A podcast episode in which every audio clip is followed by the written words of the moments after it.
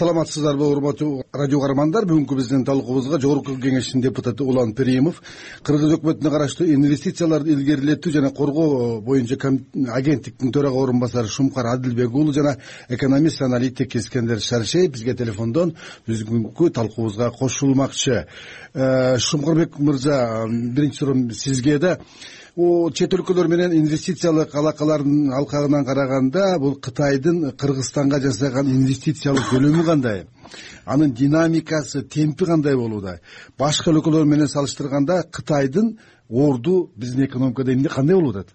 Э, саламатсыздарбы ооба туура айтасыз э, кытай эл республикасынын э, эл республикасынан келип түшкөн тикелей инвестициялар мисалы кыргызстанга келип түшкөн э, инвестициялардын көлөмүнүн э, бир үч алдыңкы э, баскычында турат. Кээ бир жылдары биринчи орунда кээ бир жылдары экинчи үчүнчү орунда. Мисалы статистикага таянсак мына алдын ала официалдуу маалыматтарга таянсак эки миң он жетинчи жылдын жыйынтыгы боюнча эки жүз алтымыш тогуз миллион доллар тикелей инвестиция түшкөн.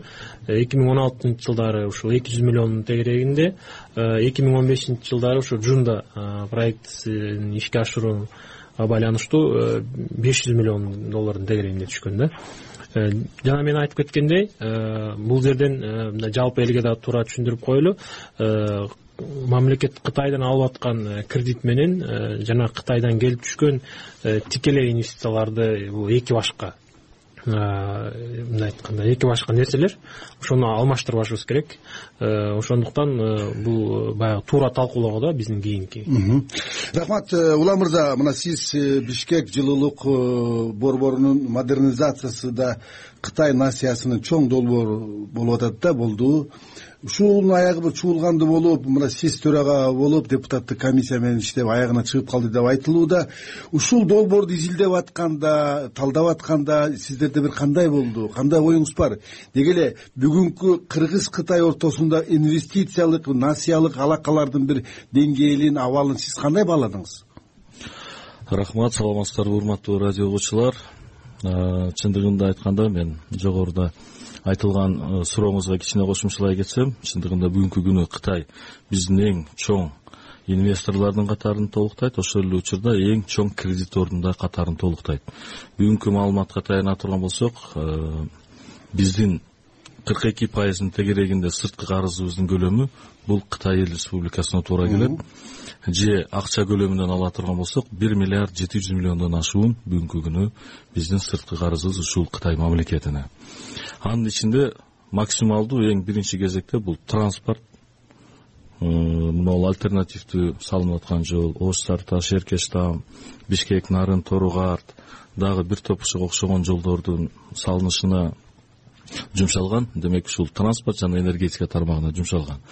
Ошондой эле ири э, мындай карыздардын көлөмүнүн бири бул үч жүз сексен алты миллионго модернизацияланган тэц бул багытта биздин депутаттар чындыгында бир топ маалыматтарды уктук. Э, ошол кездеги экс премьер министрлерди министрлер менен дагы сүйлөшүп э, бүгүнкү күнү корутундубуз даяр болуп калды. Эң негизгиси эми биз дагы ушул суроону бердик. Эмне үчүн? Кытай. Эмне үчүн? Биз ушул нерсеге токтолдук депчи? Себеби дегенде кытай бүгүнкү күнү э, эң жакынкы кошуна катары биздин экономикабызды ошондой эле инвестициябызды дагы бир топ долбоорлорду грант түрүндө колдоп келаткан мамлекет катары э, биздин ушул э, проектибизге дагы модернизацияга дагы өздөрүнүн ушул тебе компаниясы аркылуу жардам кылышыптыр.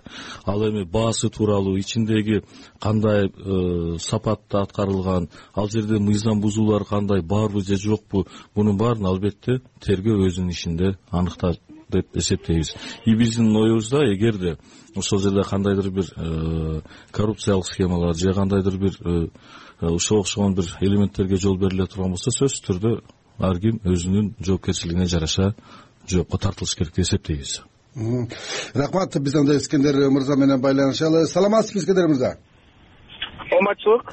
Мына жогоруда айтылды э, уктуңуз да биз кытай биздин кыргызстан үчүн э, насыялык дагы инвестициялык да чоң өнөктөш э, экенбиз мына кыргызстан акыркы алты жылда эки миллиард долларга жакын кредит насыя алган экен. э, сиздин оюңузда бунун себеби эмнеден дейсиз бул кытайдан насыя алуу оңойбу жеңилби пайыздык көрсөткүчү эмне аябай эле мындай шарттары жеңилдетилгенби? Эмне себептен биз кытайга басым жасап атабыз?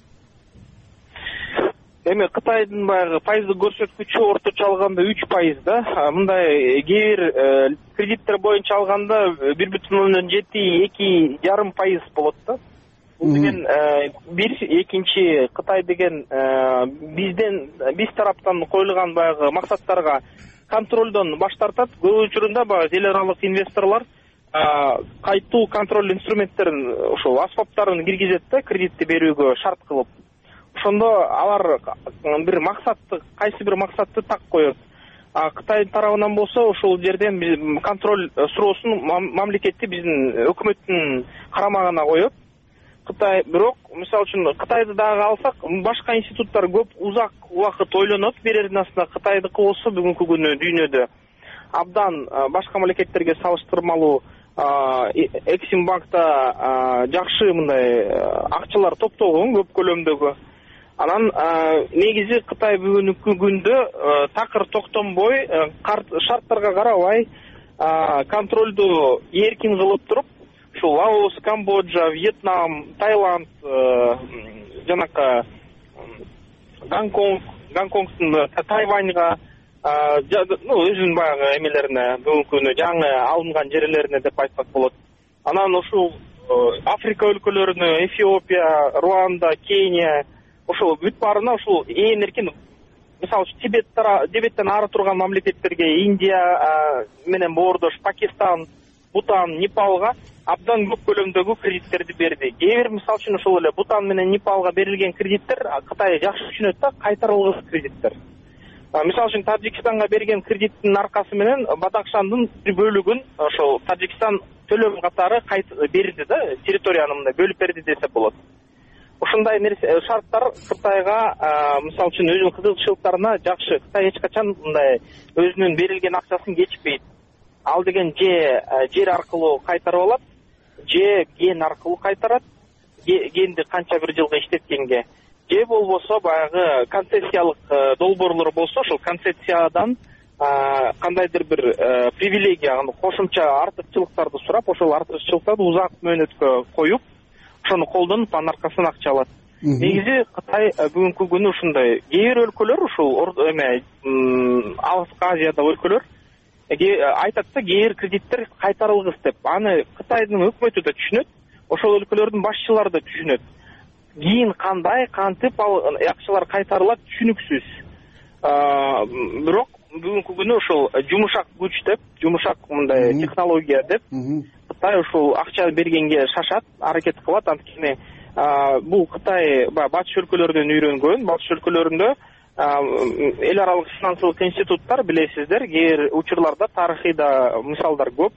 Ошол карыздар аркылуу башка мамлекеттерди башкарып алардын өзүнүн карамагына караткан да.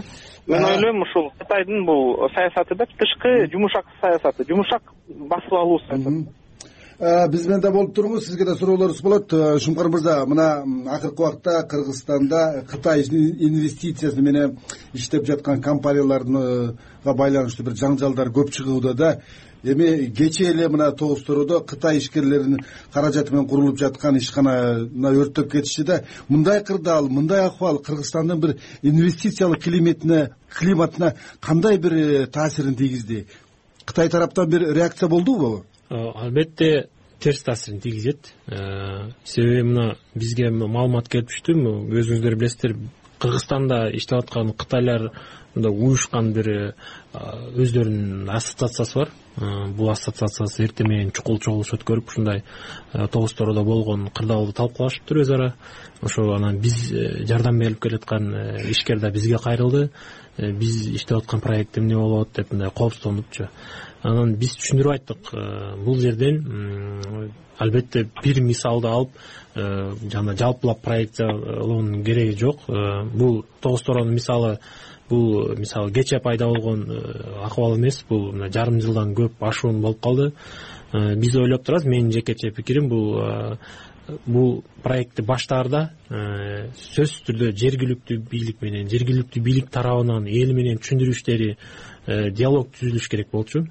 Ошол диалогдун негизинде бул кандай проект эмнеге багытталган проект экологияга кандай таасири бар кандай социалдык жакшылыктар болот кандай жумуштар түзүлөт кандай социалдык объекттер курулат инвестор эмнеге макул болду деген ушундай талкуулоо болуш керек эле да. Ушу тоғуз тоородогу окуя кырдаалга байланыштуу мындай жергиликтүү эл менен мындай диалог болгонбу инвесторлор менен э, өкмөт менен дегендейчи? Э, ал тилекке каршы андай маалымат менде жок экен. Э, себеби биз мына бир ай мурда эки ай мурда ушул жл компаниясынын аткаруучу директору бизге кайрылган.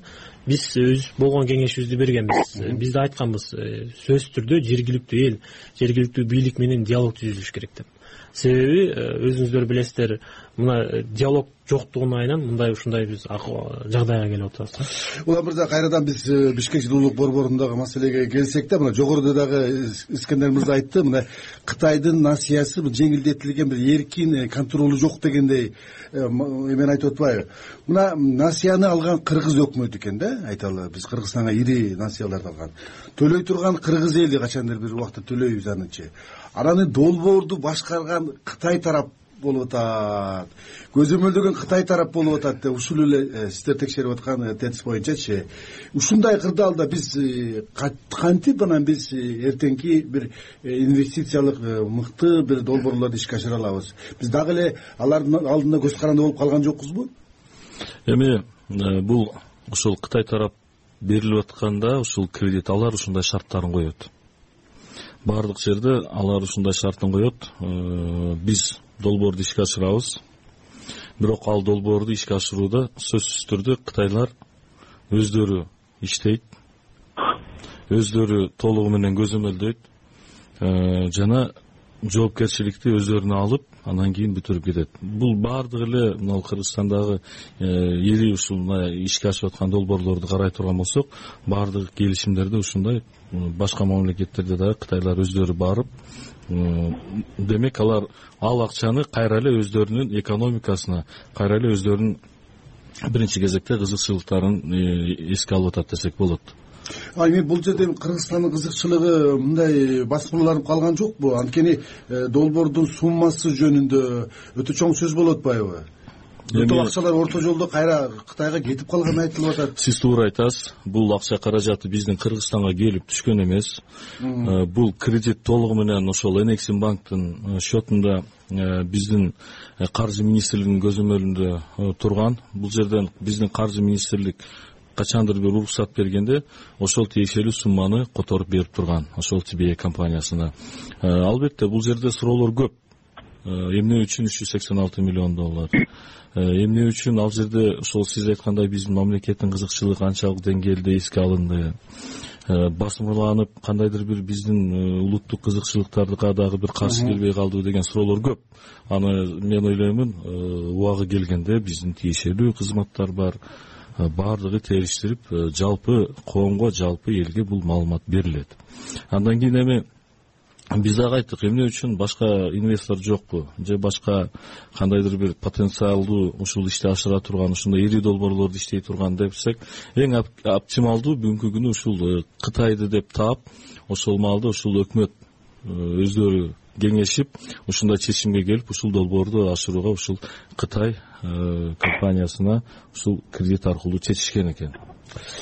Алло искендер мырза бизди угуп атасызбы угуп атам ооба мына бишкек жылуулук борборундагы маселени сиз дагы жакшы билесиз. Э, мына датка кемин боюнча дагы суроолор жаралууда түндүк түштүк альтернативдүү авто жолунун боюнча дагы маселелер чыгууда да ушунун баарын чогултуп келгенде э, бул долбоорлор кыргызстандын кызыкчылыгына иштеген жок келечегинде да иштебейт. Биз карызга баткан өлкө боюнча калабыз деп атат. Биз мындан кантип кутулабыз? Кантип бир э, кийинки инвестициялык долбоорлор менен кантип иштешибиз керек кытай менен биз деген баягыда э, эки миң он экинчи жылы реформа деп атап баягы эркин экономисттердин баягы мындай көз каранды экономисттер тобун түзүп туруп э, ошондой э, абалдан чыгуу стратегиясын иштеп чыкканбыз. Бирок тилекке каршы ал стратегия өкмөткө кабыл алынган жок көп бүгүнкү улуу экономисттерибиз аябай мындай сынга алышкан ал стратегияны ал стратегия эч кимге жаккан жок. Ал стратегияда мындай популисттик стратегия эмес. Ал э, баягы акыл эстик стратегия бирок ал нерсе көп элди кичине мындай башкача ойго салдырышы мүмкүн. Анткени стратегия боюнча биз деген биринчиден социалдык биздин мамлекет социалдык негизи мамлекетибиз анан социалдык нагрузканы азайтып туруп баягы сырткы карызды э, төлөп чыгуу жана сырткы э, финансылык институттардын э, ушул карамагынан астынан чыгуу деген максат эң биринчи болуп коюлган да. Бизде мындай кайра контр аргумент айтып бизге биз көп баягы саясатчылар экономисттер айткан кредиттик жардамсыз кыргызстан өспөйт өнүкпөйт деп. Биз башка жолун көрсөткөнбүз. Бирок башка жолу социалдык мамлекет социалдык мындай багыттан кетишке туура келип калат да эми аны азыр айтып боло турсам убакыт жетпей калат калат окшойт эми эфирде. Аны китебин да жаздык уже статьяларын да көп жаздык маалымат интернетте кеңирээк тараган. Эң биринчиден биз ушул биздин баягы бюджетти түзүү жана бюджетти коротуу принциптерибиз толук өзгөртүшүбүз керек. Бүгүнкү күндө биздин мамлекет тапкан акчаны рахмат э, шукар мырза мына кытайдын инвестициясы дегенде ушулордун бир ириси бул кара балтадагы э, мунай иштетүүчү жунда жунда заводу эмеспи да? Биз кыргыз экономикасына бир топ чоң салым болот деп үмүт арттык эле да. Акыркы күндөрү маалымат жок. Бул жунда кыргыз экономикасына кандай иштеп атат кандай салым кошуп атат өзү? Э, бул завод иштеп атат өз ишмердүүлүгүн алып барып жатат. Э, өзүңүздөр билесиздер бул завод чийки э, кара иштетет нефтти. Э, мен билгендей ушул азыркы этапта өзүнүн жанагы толук кубаттуулугу менен иштей элек бул анан ушул чийки кара майды терең кайра иштетүүгө дагы жаңы долбоорлор бар экен. Азыркы этапта мындай өзүнүн жакшы мындай плановый мощностуна чыга элек да ал эми мисалы башка кытайлар кытай тараптан келген инвестициялар боюнча айта кетсем негизи биз изилдегенбиз да. Э, изилдеп э, тактап көрсөк э, бул жака келген кытайлардан сурап кытай өлкөсү өзү ушул эң биринчи ирет ички инвесторлорду колдоп мына бир акыркы жыйырма беш отуз жылда мындай бул мындай айтканда инвесторлорду көндүрүп коюптур да. Ал жакта шарт мындай да эгерде сенин бир идеяң болсо ошол идеяңды келип банкка айтасың банк сага акча берет э, оңой эле акча берет. Анан ошол идеяң менен акчаң менен келип туруп эркин экономикалык аймаккабы же бир э, бир кандайдыр бир аймактын башчысынабы акимине мындай айтканда биздики менен келип туруп айтсаң мага жер керек бул жерге десең сага жерди көрсөтөт мына ушул жерге баштай бер деп.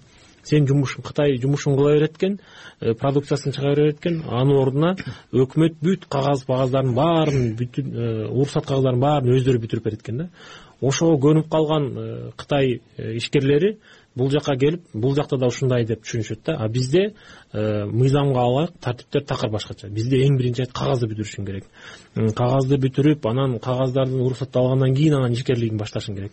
А ушундан колдонуп өз жумушун баштап алып анан жанагындай тергөө органдары укук коргоо органдары келип алып бул жериң туура эмес экен деп ортодо сүйлөшүүлөр башталып коррупциянын баары ушул жакта да.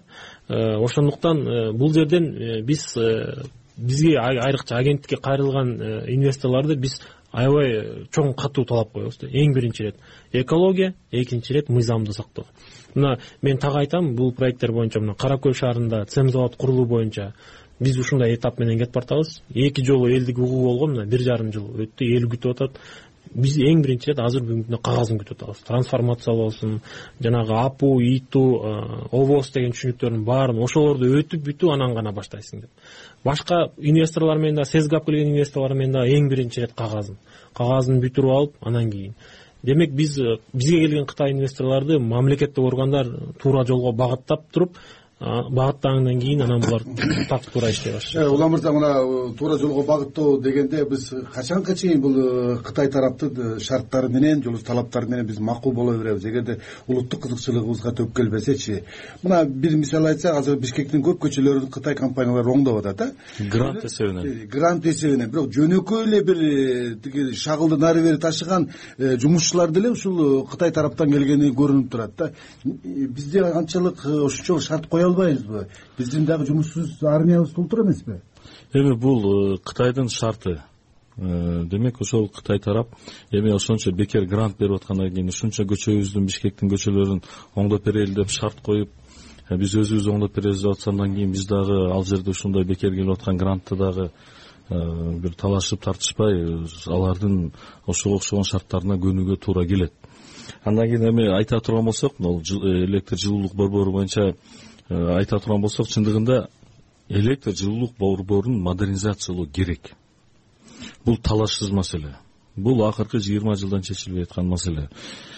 Ошондой эле калган бөлүгүн дагы биз модернизациялашыбыз керек. Себеби дегенде алтымыш алтымыш биринчи жылкы курулган тэц ал моралдык физикалык материалдык жактан толугу менен өзүнүн ресурсун уже жокко эсе чыгарган ошон үчүн аны модернизациялоону улантыш керек. Бирок ошол эле учурда модернизациялоодо сөзсүз түрдө мынабул э, үч жүз сексен алты миллион доллар боюнча моундай ызы чуу чыгып э, бир топ э, талаш тартыш маселелерди болбой тургандай кылып биздин мамлекетибиздин жалпы элдин пикирин угуп же болбосо өзүбүздүн күчүбүз менен болсо дагы ишке ашырышыбыз керек келечекте. Андан кийин эми сөзсүз түрдө мынабул жол салуу энергетика бунун баардыгы керек беле?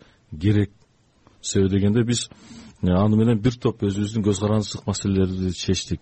Ошон үчүн э, мен ойлойт элем э, кытай мамлекети менен мындан ары дагы биз максималдуу түрдө өзүбүздүн экономикалык инвестициялык дагы башка жагдайда иштерибизди күчөтүп иштеп өзүбүздүн экономикабызга өзүбүздүн инвестицияга болгон пайдалуу жерлерин пайдаланып мамлекетибиздин бир экономикасына бир өнүктүрүүгө бир аракет кылышыбыз керек. Ула мырза ушуну мен э, уланткым келип атат сураганга менин чамам жок. Мисалы үчүнчү сиздердин э, социал демократтар партиясынын лидери э, өлкөнүн экс президенти мына алмазбек атамбаев кытайга барып кытай лидери менен жолукту сүйлөшүүлөрдү жүргүздү деп атат да сиз маалыматыңыз барбы? Биздин экс президент кытай тарап менен эмне жөнүндө сүйлөштү? Эмне жөнүндө макулдашты? Эмне кыргызстанга эмне алып келейин деген максаты бар? Мен э, кандай форматта жолугушуу болуп эмне жөнүндө сүйлөшүүлөр болгону экенин мен дагы маалыматым жок. Бирок э, съезде э, алмазбек шаршенович айткан кытайга сапар тартаардыгын кийин россияга дагы сапар тартаардыгын биз ошондо укканбыз. Ал эми ал жерде кандай мүнөздө сүйлөшүүлөр болду эмне жөнүндө талкуу болду ачык айтайын бизде маалымат жок шуңкар мырза мына э, кыргызстан азыр мындай э, инвестициялык климатты оңдоо жаатында атайын агенттик түзүп да мунун статусун көтөрүп башка кылып атат. Сиздердин мына жакын ортодо бир э, кытай менен боло турган бир кандайдыр максаттарыңыздар кандайдыр бир долбоорлоруңуздар бар? Кыскараак айтып берсеңиз.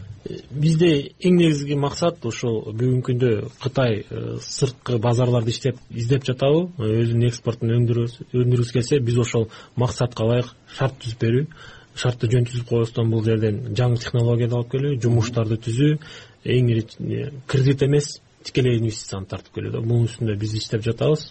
Э, бир сөзсүз түрдө мына келечекте өзүңүздөр деле байкайт болушуңуздар. Рахмат урматтуу радио көрөрмандар бүгүн биз кыргыз кытай алакасы анын ичинде инвестициялык жана насыялык э, тегерегинде кеп кылдык. Бүгүнкү биздин талкуубузга жогорку кеңештин депутаты улан приимов кыргыз өкмөтүнө караштуу инвестицияларды илгерилетүү жана коргоо боюнча агенттиктин төрага орун басары шумкарбек адилбек уулу жана экономист искендер шаршеев катышты. Берүүнү мен бакыт оорунбеков алып бардым. Кайрадан эфир аркылуу жолукканча саламатта калыңыздар